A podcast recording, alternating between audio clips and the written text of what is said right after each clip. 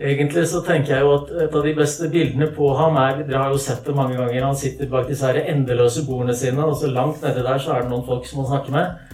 Eh, så dette isolerte mannen i, eh, i, i Kreml eh, det er også det som preger ham egentlig mye når han snakker og skriver. Og det virker da som på en måte disse tsarene fra for mange hundre år siden er mer virkelige for ham enn hans egne rådgivere og alle de soldatene han sender for å dø i Ukraina. Hvordan tenker Russlands president Vladimir Putin, og hva er hendelsene som har prega livet hans og måten han ser verden på? Åge Storm Borchgrevink er en av de fremste ekspertene i Norge på Putins liv og historie. Han var gjest på Global morgen på Sølvberget i februar 2023. For det fins egentlig mange Vladimir Putiner, eh, tenker jeg. Og eh, noen av dem kommer fram eh, underveis, og noen blir sterkere og svakere alt ettersom. Eh, og om det er en kjerne i ham Det var jo det Per Gynt ikke klarte å finne når han skrellet den løken. Um, det, det, det, skal jeg la stå litt åpent, men jeg har jo en, en, en form for definisjon på systemet hans. Eh, tenker jeg. Eh, men vi kan egentlig bare starte med begynnelsen, og den er her. Der ser dere Putin eh, på 70-tallet med foreldrene sine og ja, på fanget til mamma. Det er litt sånn pussig å se de bildene av ham fra da han var liten gutt. fordi det ser egentlig ut som foreldrene hans er, er hans besteforeldre. De var, de var, ganske gamle da han, han, ble født. Han ble født i 1952. Eh, jeg tenker Den, den tidlige tiden eh, preger jo oss alle, og har også preget ham. Og det er et par trekk eh, som jeg syns er særlig viktige. Han er en overlever fra en familie av overlevere. Så uh, begge foreldrene de, uh, de, overlevde beleiringen av Leningrad. Jeg tror en del av dere uh, altså kjenner den historien, men det var jo en av de store katastrofene under, under krigen i Sovjetunionen. I den beleiringen så ble hun anslagsvis fire-fem millioner mennesker omringet av, av, av, tyskerne, og den omringningen varte da i 900 dager. Og eh, omkring en million mennesker døde der. Sult, eh, sykdom mye, og kannibalisme og eh, på alle mulige måter en veldig eh, tøff tid. Og faren til Putin var soldat utenfor byen og overlevde bare så vidt. Moren ble båret ut av leiligheten, angivelig, og eh, tatt for å være død, men så eh, rørte hun på seg likevel. Det er en del historier rundt denne krigsopplevelsene til, til foreldrene, til familien Putin, som er litt vanskelig å verifisere. De har egentlig én kilde, og det er Vladimir Putin selv. Og det kan tenkes at han ønsker å bruke denne historien eh, for, for, det den er verdt, og kanskje endre litt på den. Men det som det ikke er tvil om, er at eh, Foreldrene hans overlevde så vidt det var. Faren eh, var hardt såret, eh, men, ble, ble, eh, men overlevde. Derimot så døde fem av brødrene hans i krigen, og en rekke andre slektninger. Og broren til Putin omkom også under belæringen. Han var en liten gutt som ble tatt av sovjetmyndighetene fra moren. De skulle beskytte han, sa de, men han, han døde da. Så da Putin endelig kom til til verden, så var det nok et uh, slags mirakel for disse, for disse, foreldrene. En annen ting som, uh, som er uh, veldig liksom, typisk for Putin når han skriver, når han snakker Han er veldig opptatt av krigen. og jeg tror du kan si at han har på en måte egentlig tre foreldre. Det er de to der, men også krigen. Han er et krigsbarn, egentlig hele tiden tilbake til uh, historier fra krigen i, uh, i, det han skriver, og, uh, og det han, ofte det han sier. Um, og en, en, annen ting er at han beskriver ofte krigen litt sånn Du skulle jo tro at han ville være veldig kritisk, eller ja Søke å unngå krig for enhver pris, gitt hva den har gjort med hans egen familie. Men på et eller annet vis, så når han beskriver krigen, så er det som om det er på en måte en tilstand av ærlighet. eller altså, Da er tingene klare. Det er det som egentlig er livet. Det er der på en måte uh, liksom, tingene kommer fram i sin eksistens. Livet er, en, uh, livet er en enkel og grusom ting, uh, skriver han i sånn, mest sånn filosofiske øyeblikk. Og da, da, da, tenker han på at krigen, som er så brutal, og hvor ting kan endre seg så fort, det er på en måte slik livet er. Ja. Og han har jo Jeg kaller jo boken min 'Krigsherren'. Og hans karriere som, som leder av Russland har jo vært preget av krig fra, fra start til, til, nå. Drømmen om KGB, skriver jeg her. Um, faren til Putin han, han, var ingen vanlig soldat. Han var soldat i NKVD-styrkene. NKVD var eh, Stalins sikkerhetstjeneste. Forløperen til, eh, til KGB. Eh, farens tilknytning til sikkerhetstjenestene kan også ha medført en del sånn privilegier for familien. I Putins egen fremstilling så vokste han opp i, i fattigdom. Eh, ja, som alle andre i, i, i, Leningrad, og en helt vanlig arbeiderfamilie. Men de hadde nok noen flere privilegier på forskjellig vis. TV tidligere, Han fikk bil da han var student. Helt uvanlig for en sovjetisk student å kjøre rundt i bil. Uh, ja, en, en, del forskjellige ting. Og ikke minst så klarte han å komme inn på et veldig vanskelig, veldig prestisjetungt universitet i Leningrad, jusstudiet der. Uh, selv om han ikke hadde spesielt gode karakterer. Så det er en del spekulasjon i om farens uh, tilknytning til NKVD kan ha spilt en rolle der. Men uansett så sier Putin selv, og akkurat der tror jeg faktisk på ham, at han er et veldig uh, vellykket produkt av sovjetisk oppdragelse. Han ble veldig inspirert av de filmene og TV-seriene som uh, sovjetmyndighetene laget rundt 1970, som ofte handlet om å få fram et veldig positivt bilde av sovjetmakten, selvsagt, men ikke minst av um, NKVD og KGB. Altså sikkerhets... Uh, så det var sånne spionfilmer han så på. Og eh, drømte seg vel vekk da, der han satt i kinosalen, eller foran TV-en, som de hadde, og de andre familiene ikke hadde. Um, eh, om tapre sovjetiske spioner som lurte nazistene og egentlig resten av Vesten. For i, i den historien som disse spion... um, fortalte, um, så, så, var det ofte slik at, uh, at nazistene og amerikanerne de, de, var jo egentlig på lag, da. så men, eh, men Putin eh, ville, ville, inn i KGB, og um, ifølge seg, sin egen historie så gikk han bare rett inn i hovedkontoret til KGB i, i Leningrad. Uh, som i dag heter St. Petersburg, men det vet dere, så ja, jeg sier ikke Um, uh, og, og, sa at han liksom meldte seg til tjeneste, og, og, de sa til ham hallo, det er jo ikke sånn det fungerer. Du kan ikke bare liksom komme her og, og bli KGB. Uh, du burde ta deg utdannelse, og så, eh, så, får vi se. Så Han forteller også at de kom til ham da i siste, siste året på, på jusstudiet, og han skjønte med en gang hva dette dreide seg om. Um, og en av vennene hans beskriver hvordan um, Putin da tok ham var eh, på det tidspunktet bare helt i begynnelsen av 20-årene, men tok vennen sin ut på en sånn stor fest uh, i, i, i, i byen. De spiste og drakk og sånt. Og så eh, ville han ikke si hva det handlet om. Han ville ikke si hva det handlet om. Så det var først veldig mange år seinere at vennen skjønte at han hadde blitt da eh, vervet til KGB. Men eh, Putin han, han, vet å holde kjeft når han, når han, han trenger det. Um, så eh, da han da kom inn i, i, i KGB sånn på, på midten av 70-tallet, begynnelsen av 70-tallet Eh, han ble der i, i 15 år. Det er egentlig først i det siste at det er kommet mer informasjon om den tiden fram.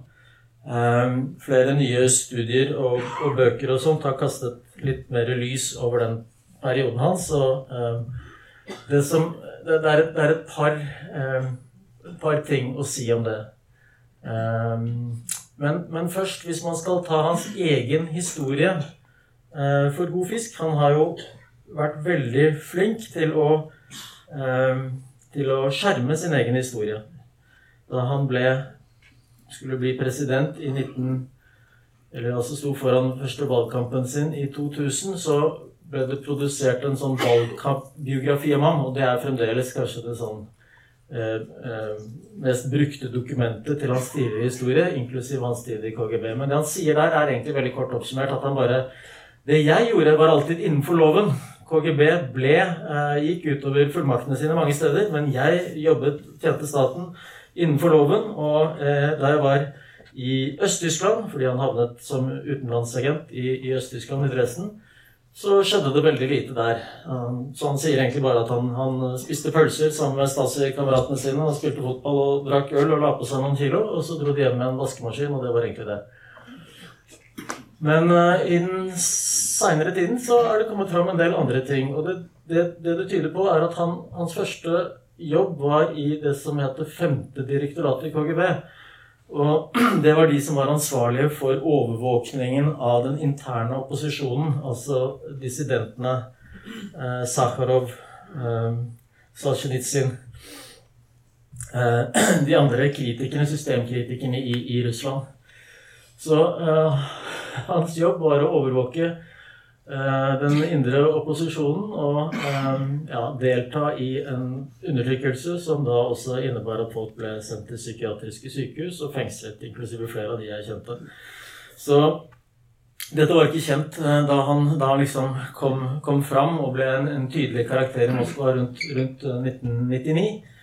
Men jeg husker jo fremdeles at flere av de gamle kollegene mine hadde en sånn instinktivt aversjon mot ham. Um, og jeg tror, jeg tror, på en måte uh, Det var ikke alle KGB-folk de, de, de, reagerte like mye mot, men det var liksom som de senset hva han hadde drevet med. på et eller annet vis. Um, og den, den, bakgrunnen der kan jo være uh, litt interessant da, når man ser hvordan det har utviklet seg uh, for den russiske opposisjonen, eller for hele det andre Russland, gjennom, gjennom Putins karriere. Og så var det hans tid i, i Øst-Tyskland. og det, det, som han på en måte legger vekt på selv, i det, i det som kan liksom hans egen dannelseshistorie, da, ehm, det er eh, den gangen, i 1989, hvor eh, demonstrasjonene brer seg i Dresden. Sånn at uh, de østtyske demonstrantene har akkurat stormet Stasi-bygningen. Som ligger mer sånn sentralt i, i, i, i Dresden altså til det østtyske sikkerhetspolitiet. Og nå kommer de til eh, KGB-residensen i byen. Og der er han vakthavende offiser når, eh, når, demonstrantene kommer dit.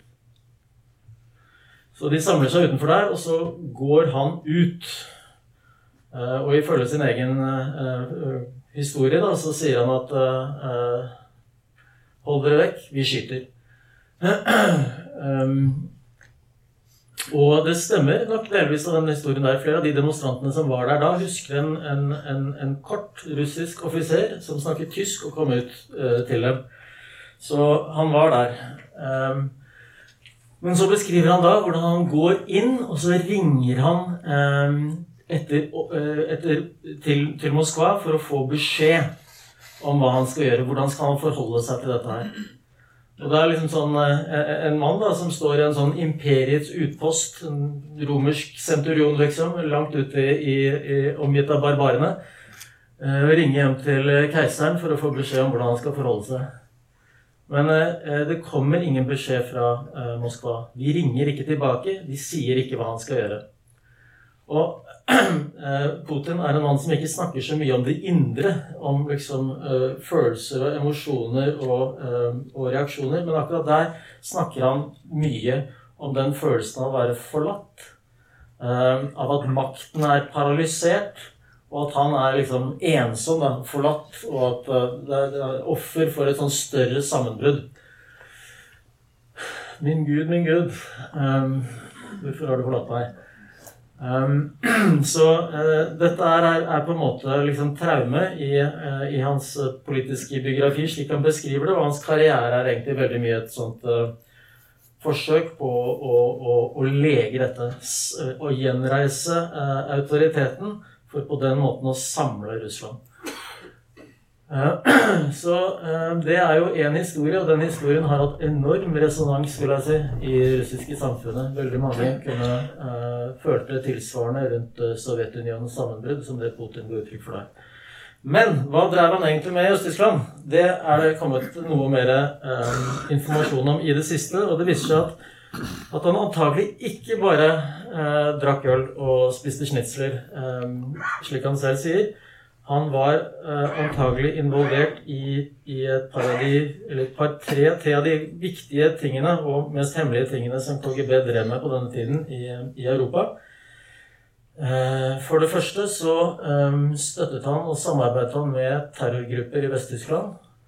Eh, Råte arméfraksjon, ehm, fraksjon, RAF, ehm, var fremdeles aktive på denne tiden og hadde flere bombeangrep og, og attentater og, og, drepte folk. Og de som utførte disse tingene, hadde kontakt med KGB i Dresden, og flere av dem kjente Putin.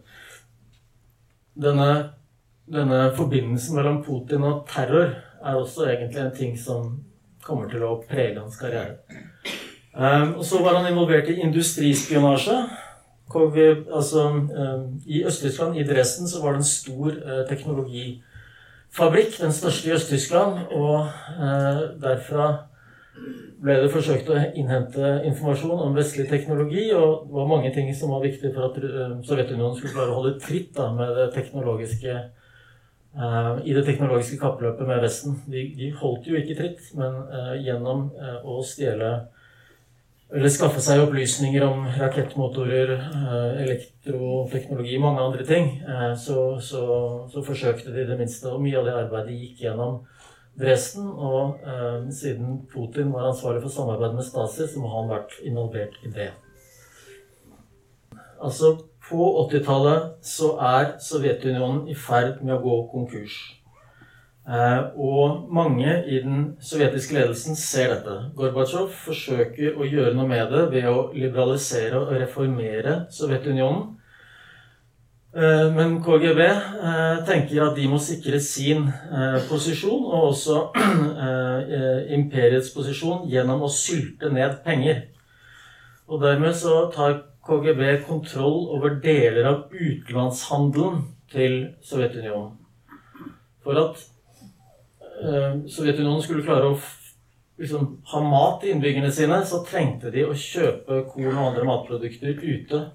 Selv om de egentlig satt på noe av det mest sånn, altså eh, Svartbeltjorden i Ukraina eh, og, og Russland er noe av det liksom mest fruktbare, så klarte de ikke det.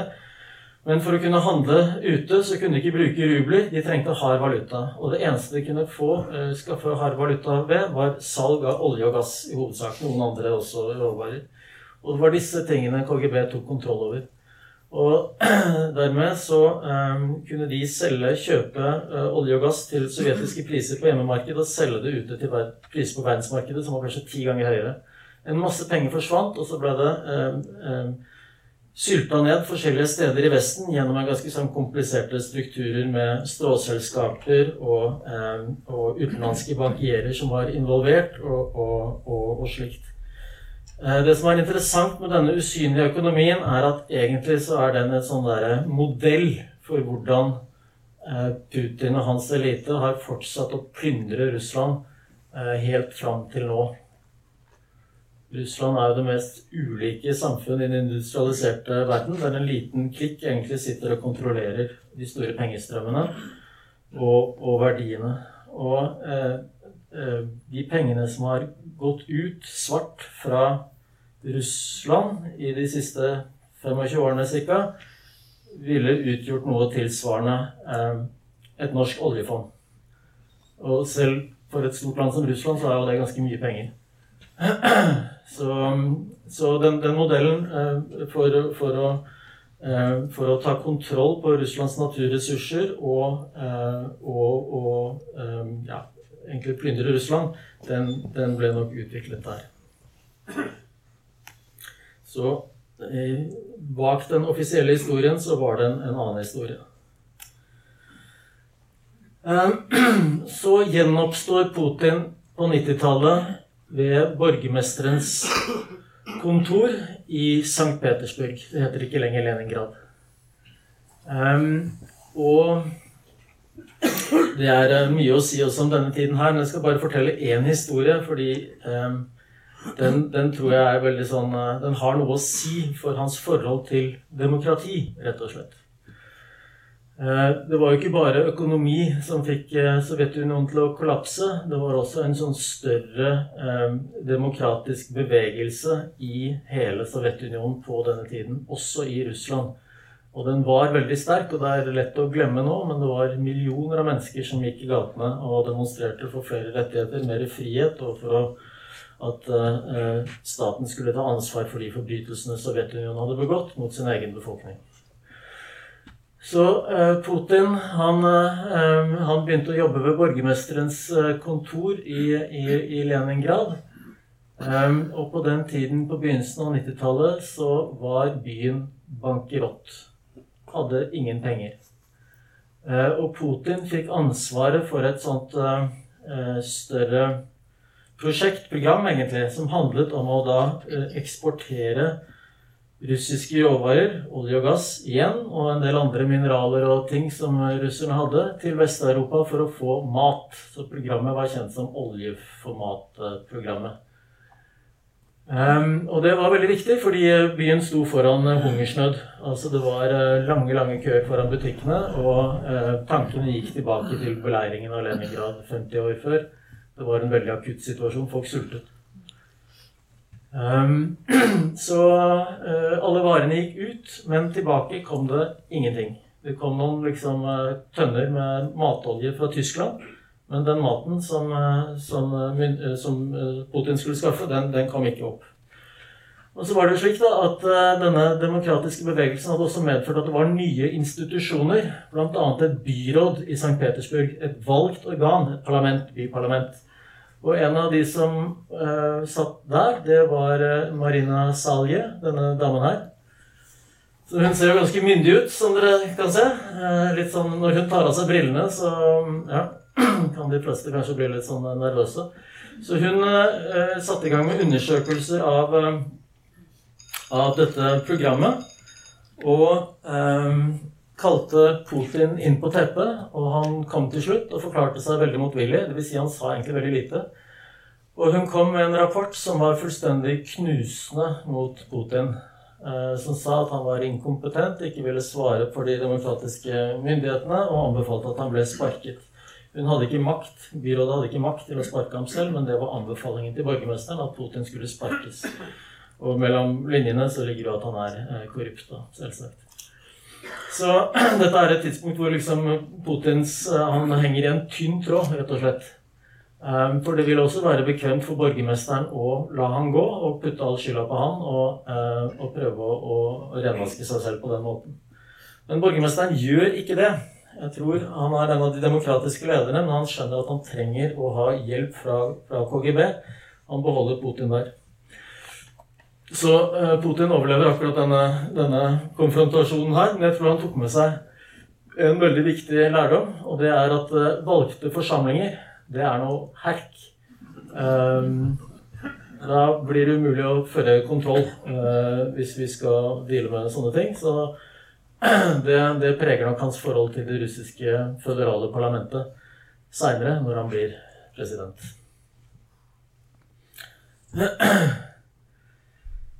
Han dukker opp nasjonalt, Putin, i 1999. Eh, og det er jo et veldig sånn skjebnetungt år i, i, i russisk historie, eh, vil jeg si. Altså 90-tallet har vært en sånn sammenhengende katastrofe der folk har eh, Altså levestandarden har sunket veldig i Russland, også i de andre sovjetrepublikkene. Ukraina og flere av de andre stedene var det, var det verre. Men eh, også Russland er veldig hardt rammet. og vi ser at levealderen for menn for eksempel, synker til godt under 60 år. Nede i 57 år. Ehm, det er egentlig sånne statistikker som man kan se når det er krig eller andre typer eh, katastrofer. Det er en katastrofe egentlig som skjer. I 1998 eh, så, um, så, så um, faller oljeprisen igjen til, uh, til rundt 10 dollar. Og dermed går, går russiske stat konkurs. Egentlig så tror jeg du kan lage en sånn grafe hvor du setter russiske ledere og deres popularitet og sånt opp mot oljeprisen. Da vil du få en veldig god match. Um, så helt på bunn er det i 1998-99. Og helt på bunn er også populariteten til eh, Jeltsin, som er president på den tiden. Um, oljeprisen er nå én ting. Dette her at uh, han har solgt Russland på billigsalg til uh, en, en, gruppe rike menn, kjent som oligarkene.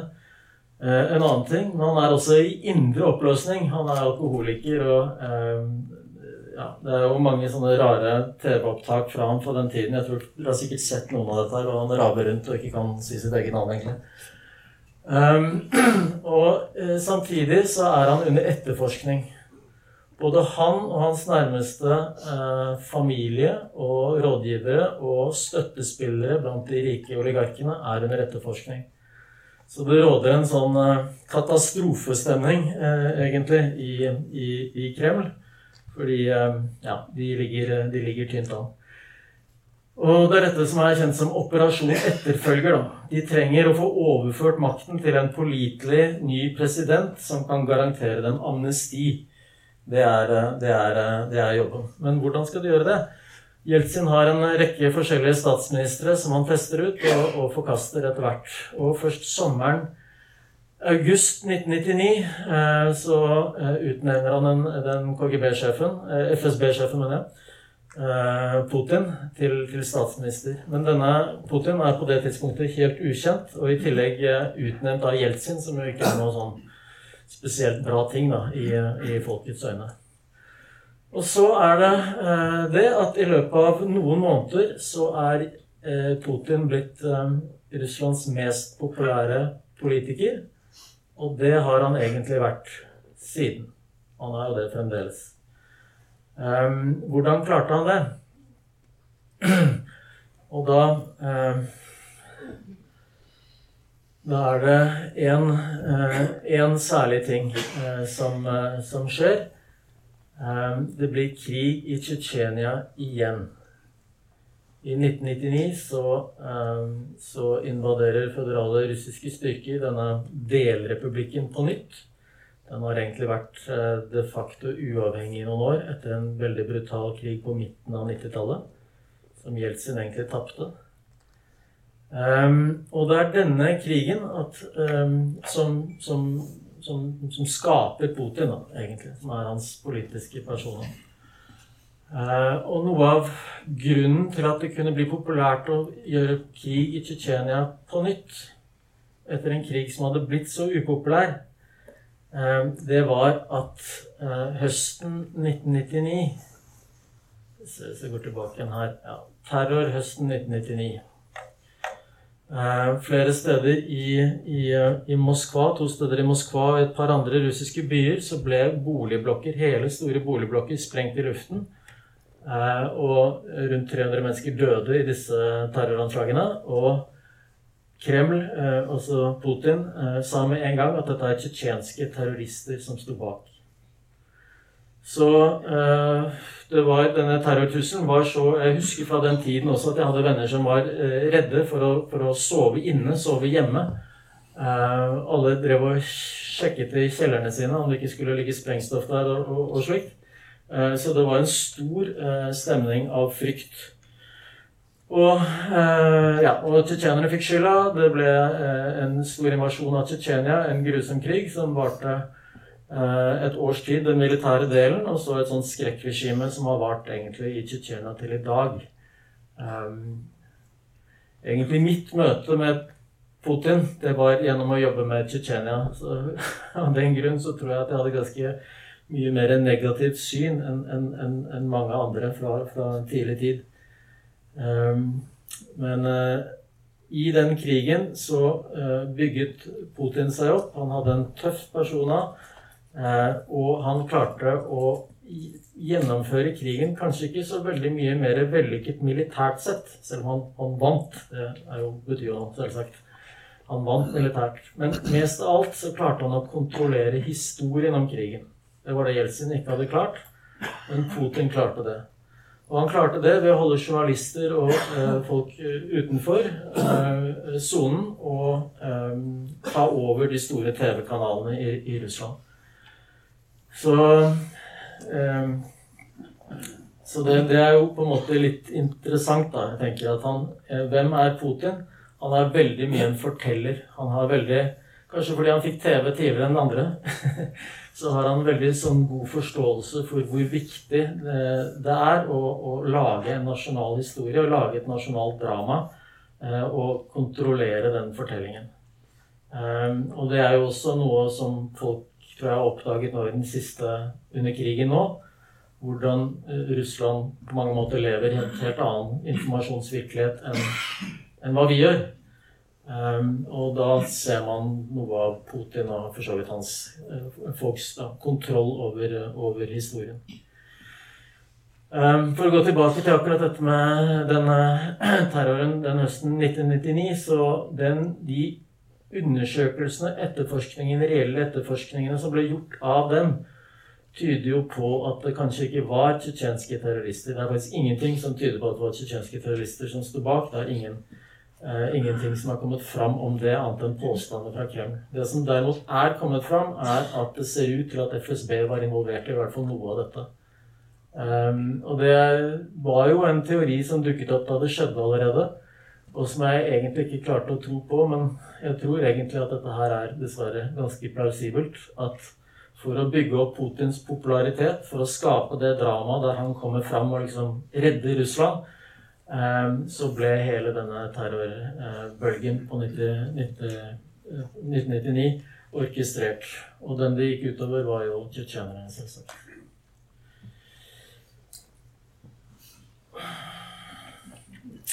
Ja. Så hans store prosjekt, Putin, det er jo å samle Russland. Det er det han snakker om. Altså gjenopprette den autoriteten som han merket forsvant i 1989 Eh, så jeg tror på mange måter han ser på seg selv som en russisk sånn Harald Hårfagre, kan du si. Han kunne hatt sånn tre sverd i, i, i, nede i Moskva-elven eller noe sånt, à la det der monumentet som er for uh, slaget i Hafrsfjord her, her, nede. Um, men, uh, men, hva mener han med det? Hvordan han, for han ønsker å lege den splittelsen i landet. Ehm, og, og, hans løsning på dette er jo å ta eh, kontroll.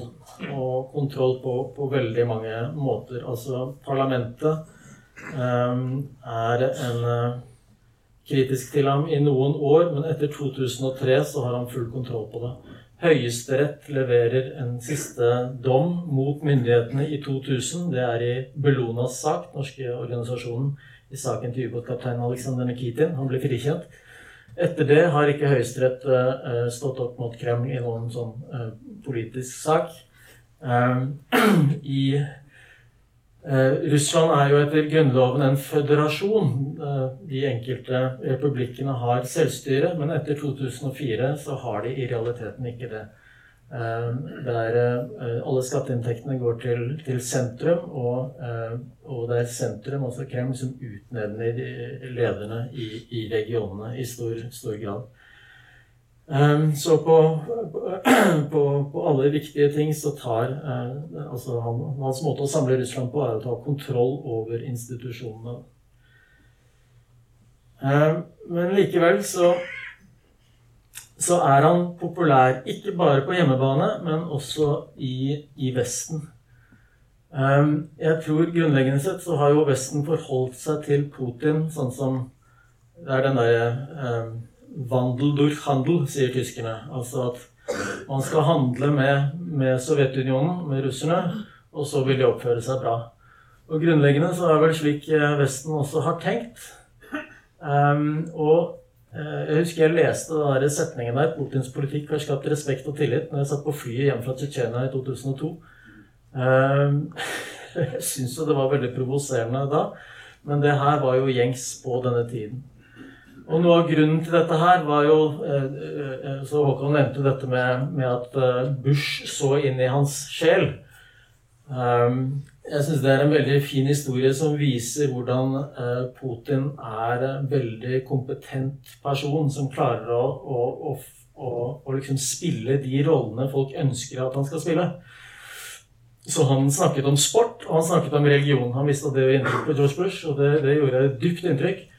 Og i tillegg så hadde jo eh, eh, dette eh, angrepene 11.9.2001 og krigen mot terror totalt endret eh, Russlands situasjon i verden. Fra å få kritikk for Tsjetsjenia og andre typer ting, så eh, var de en partner med USA. Sånn at uh, han hadde flaks, uh, flaks der, Putin, med 11.9.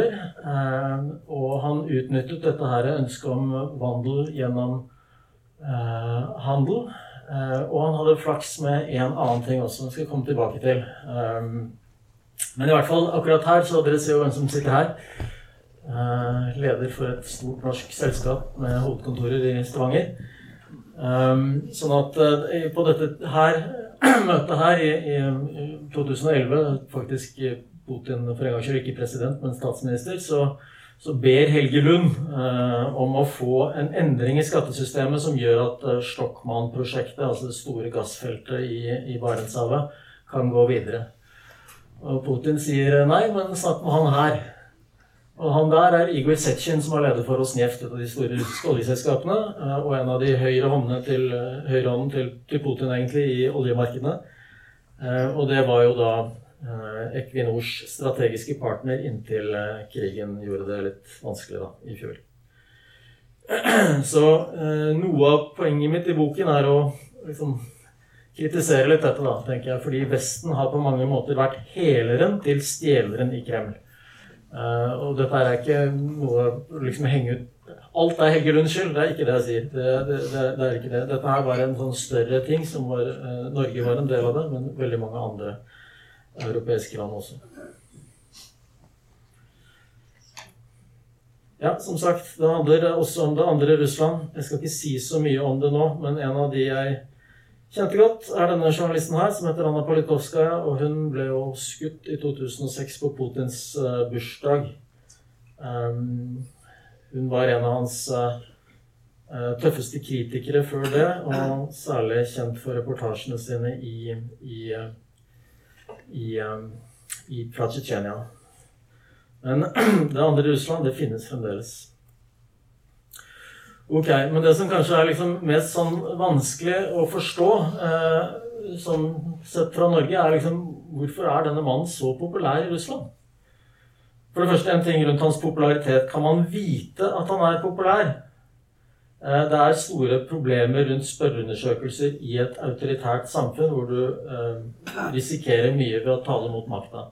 Det er det. Men eh, det er samtidig veldig kompetente meningsmålingsinstitutter i, i, i, Russland. Og jeg tror man må legge til grunn at han er veldig populær, uansett hvordan man snur og, og vender på det. Og også at hans popularitet går opp i Russland når den går ned andre steder. F.eks. I forbindelse med krig. Um, og uh, grunnleggende sett så skriver jeg litt, forteller litt om det som russerne snakker om som sånne uskrevne kontrakter da, mellom Putin og, og befolkningen. Og den første kontrakten hans handler om at de får sikkerhet og penger, og han tar deres rettigheter. Ehm, det er den første avtalen. Og det fungerte også helt strålende. altså Frem til 2008 så hadde Russland en vekst i velstand og eh, bedring i levekår som knapt fins parallell til i, i Europa. Eh, var Tyskland etter krigen eller noe sånt, kanskje. En helt eh, gigantisk uh, sprang. Så vanlige mennesker og folk flest altså husker og det kan, er vanskelig for dem å glemme at de under Putin har fått det bedre enn noen, noensinne. Altså, Hva er Putins hemmelighet? Hvis jeg skal si det litt kynisk, så vil jeg si oljeprisen. Den tidoblet seg fra 1998 til, til 2008 og gjorde alt dette mulig for Putin. Men det er mer enn det. Eh, hans eh, autoritære eh, måte å ta kontroll på, den, den, fungerte også på den måten at kriminaliteten sank. Eh, og det ble et annet og, og tryggere og bedre samfunn for, for russere flest. Så hadde han gitt seg her da, etter to perioder, sånn som Grunnloven sa i 2008, så hadde vel folk fremdeles hatt dette bildet hengende på veggen og, og ville han ville vært populær alle steder, men sånn gikk det ikke. Um, så jeg går litt sånn raskt fram. Jeg har brukt mye tid allerede. Men eh, Det som er viktig når han kommer tilbake igjen som president i 2012, da møter han egentlig et veldig stort opprør i byene. Så det er en, en vinter med preget av demonstrasjoner. Um, og uh, som, som, åpenbart bekymrer ham uh, og, og, og, Kreml veldig. Uh, og det er litt interessant at det på en måte er også Putins egne barn som gjør opprør.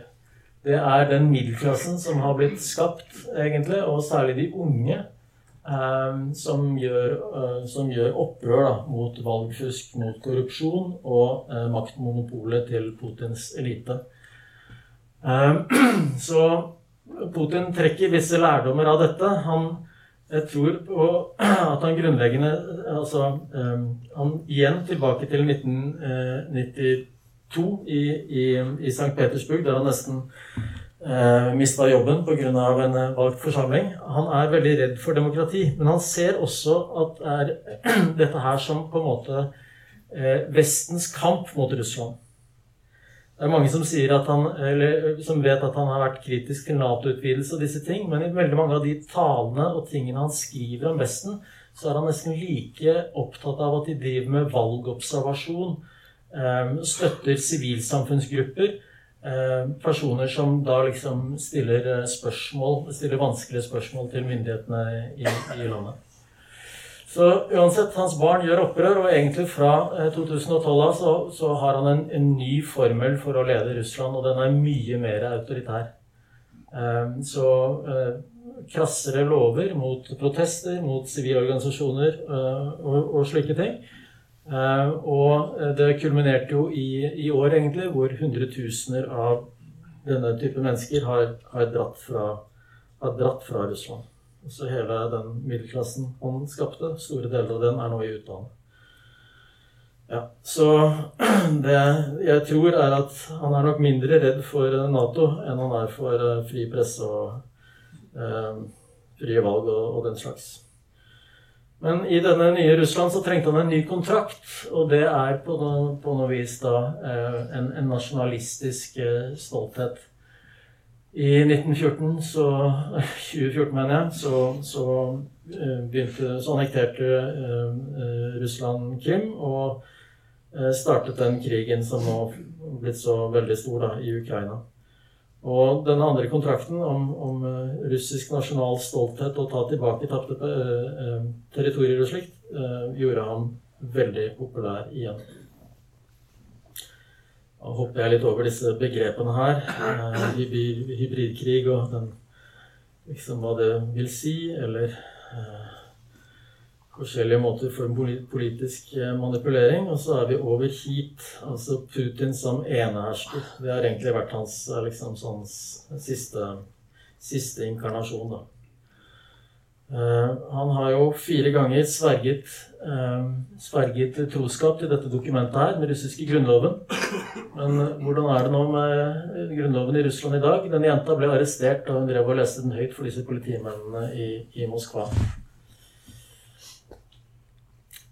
her igjen er eh, et sånt lite spørsmål om eh, liksom eh, dette er en sånn spørreundersøkelse i Russland, og så sier han fyren her Ja, selvsagt, jeg støtter helhjertet våre myndigheter. Men uh, han er kanskje ikke helt ærlig. Ja. Hvem er Vladimir Putin? Jeg vil si at han i hovedsak er en varulv. Med det mener jeg, som på russisk er sleng for en korrupt politimann. Eh, jeg har med dette Jeg bruker mye av hans egne ord og sitater, og dette her syns jeg er veldig interessant fordi her påpeker han at det er eh, veldig vanlig at russiske politifolk eh, plyndrer og overtar forretningene til uavhengige forretningsfolk. Um, og så kan dette sitatet leses på flere måter. Altså, her snakker det er, snakk om ja, 150 000 saker eller noe sånt. Det er jo ganske mange eh, tilfeller av kriminell politivirksomhet, kan man si. Ehm, så kan man lese dette her på to måter. At han er liksom mot dette. Det er jo rart når han har sittet 15 år og har skapt dette systemet. At han skulle være mot det. Jeg tror dette her skal leses som en advarsel. En advarsel til alle som er uavhengige. Alle uavhengige forretningsfolk overalt i, i Russland som sier at Eh, hvis dere ikke inngår en avtale med politiet, myndighetene eller med meg eller mine representanter på en eller annen måte, så vil dette skje med dere også. Eh, så eh, mest av alt så har jeg tenkt på ham som garantist for dette togrøveriet som er det moderne Russland. Mer ulikt enn noe annet land, og hvor myndighetene kannibaliserer alle mulige forretningsliv og har kontroll på råvarene. Og sånn sett så har han konstruert en fantastisk sånn maskin for å, for å, bevare denne elitens kontroll. Så det jeg ikke helt klarte å forstå, var denne storkrigen i, i Som da ble utløst 24.2 i fjor. For i den så setter han egentlig hele dette systemet på spill. Altså det, det samlede presset fra Ukrainas militære motstand, alle tapene på slagmarkene, alle eh, de tapte verdiene til store deler av den russiske eliten eh, På et eller annet tidspunkt så må det bli for mye. Eh, og hvis det ikke blir det, så er det i hvert fall en, en form for gamble som, som er veldig Som er veldig eh, ja, risikabel, rett og slett. Så jeg gikk egentlig tilbake og så leste jeg Putin på nytt. og Uh, egentlig så tenker jeg jo at et av de beste bildene på ham er Dere har jo sett det mange ganger. Han sitter bak disse her endeløse bordene sine, og så langt nedi der så er det noen folk som han snakker med. Uh, så dette isolerte mannen i, i, i Kreml um, det er også det som preger ham egentlig mye når han snakker og skriver. Og det virker da som på en måte disse tsarene fra for mange hundre år siden er mer eh, virkelige for ham enn hans egne rådgivere og alle de soldatene han sender for å dø i Ukraina.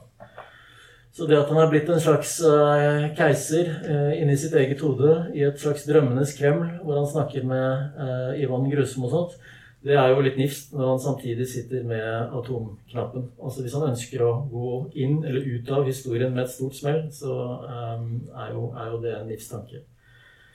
Um, men jeg tror jo at i hovedsak så er han uh, denne overleven. Mest av alle er han overleven, som var den første sliden her.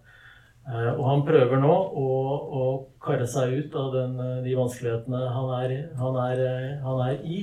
Og han har jo disse superkreftene sine. Politiet og propagandaen. Og de står han, står han bi fremdeles, tenker jeg. Så så ja, jeg, liksom, Når det gjelder denne atomteorien, så, så tror, jeg, tror, jeg, jo ikke det kommer til å bli eh, noe det, Jeg tror ikke han ønsker å, å, å trykke på knappen, rett og slett.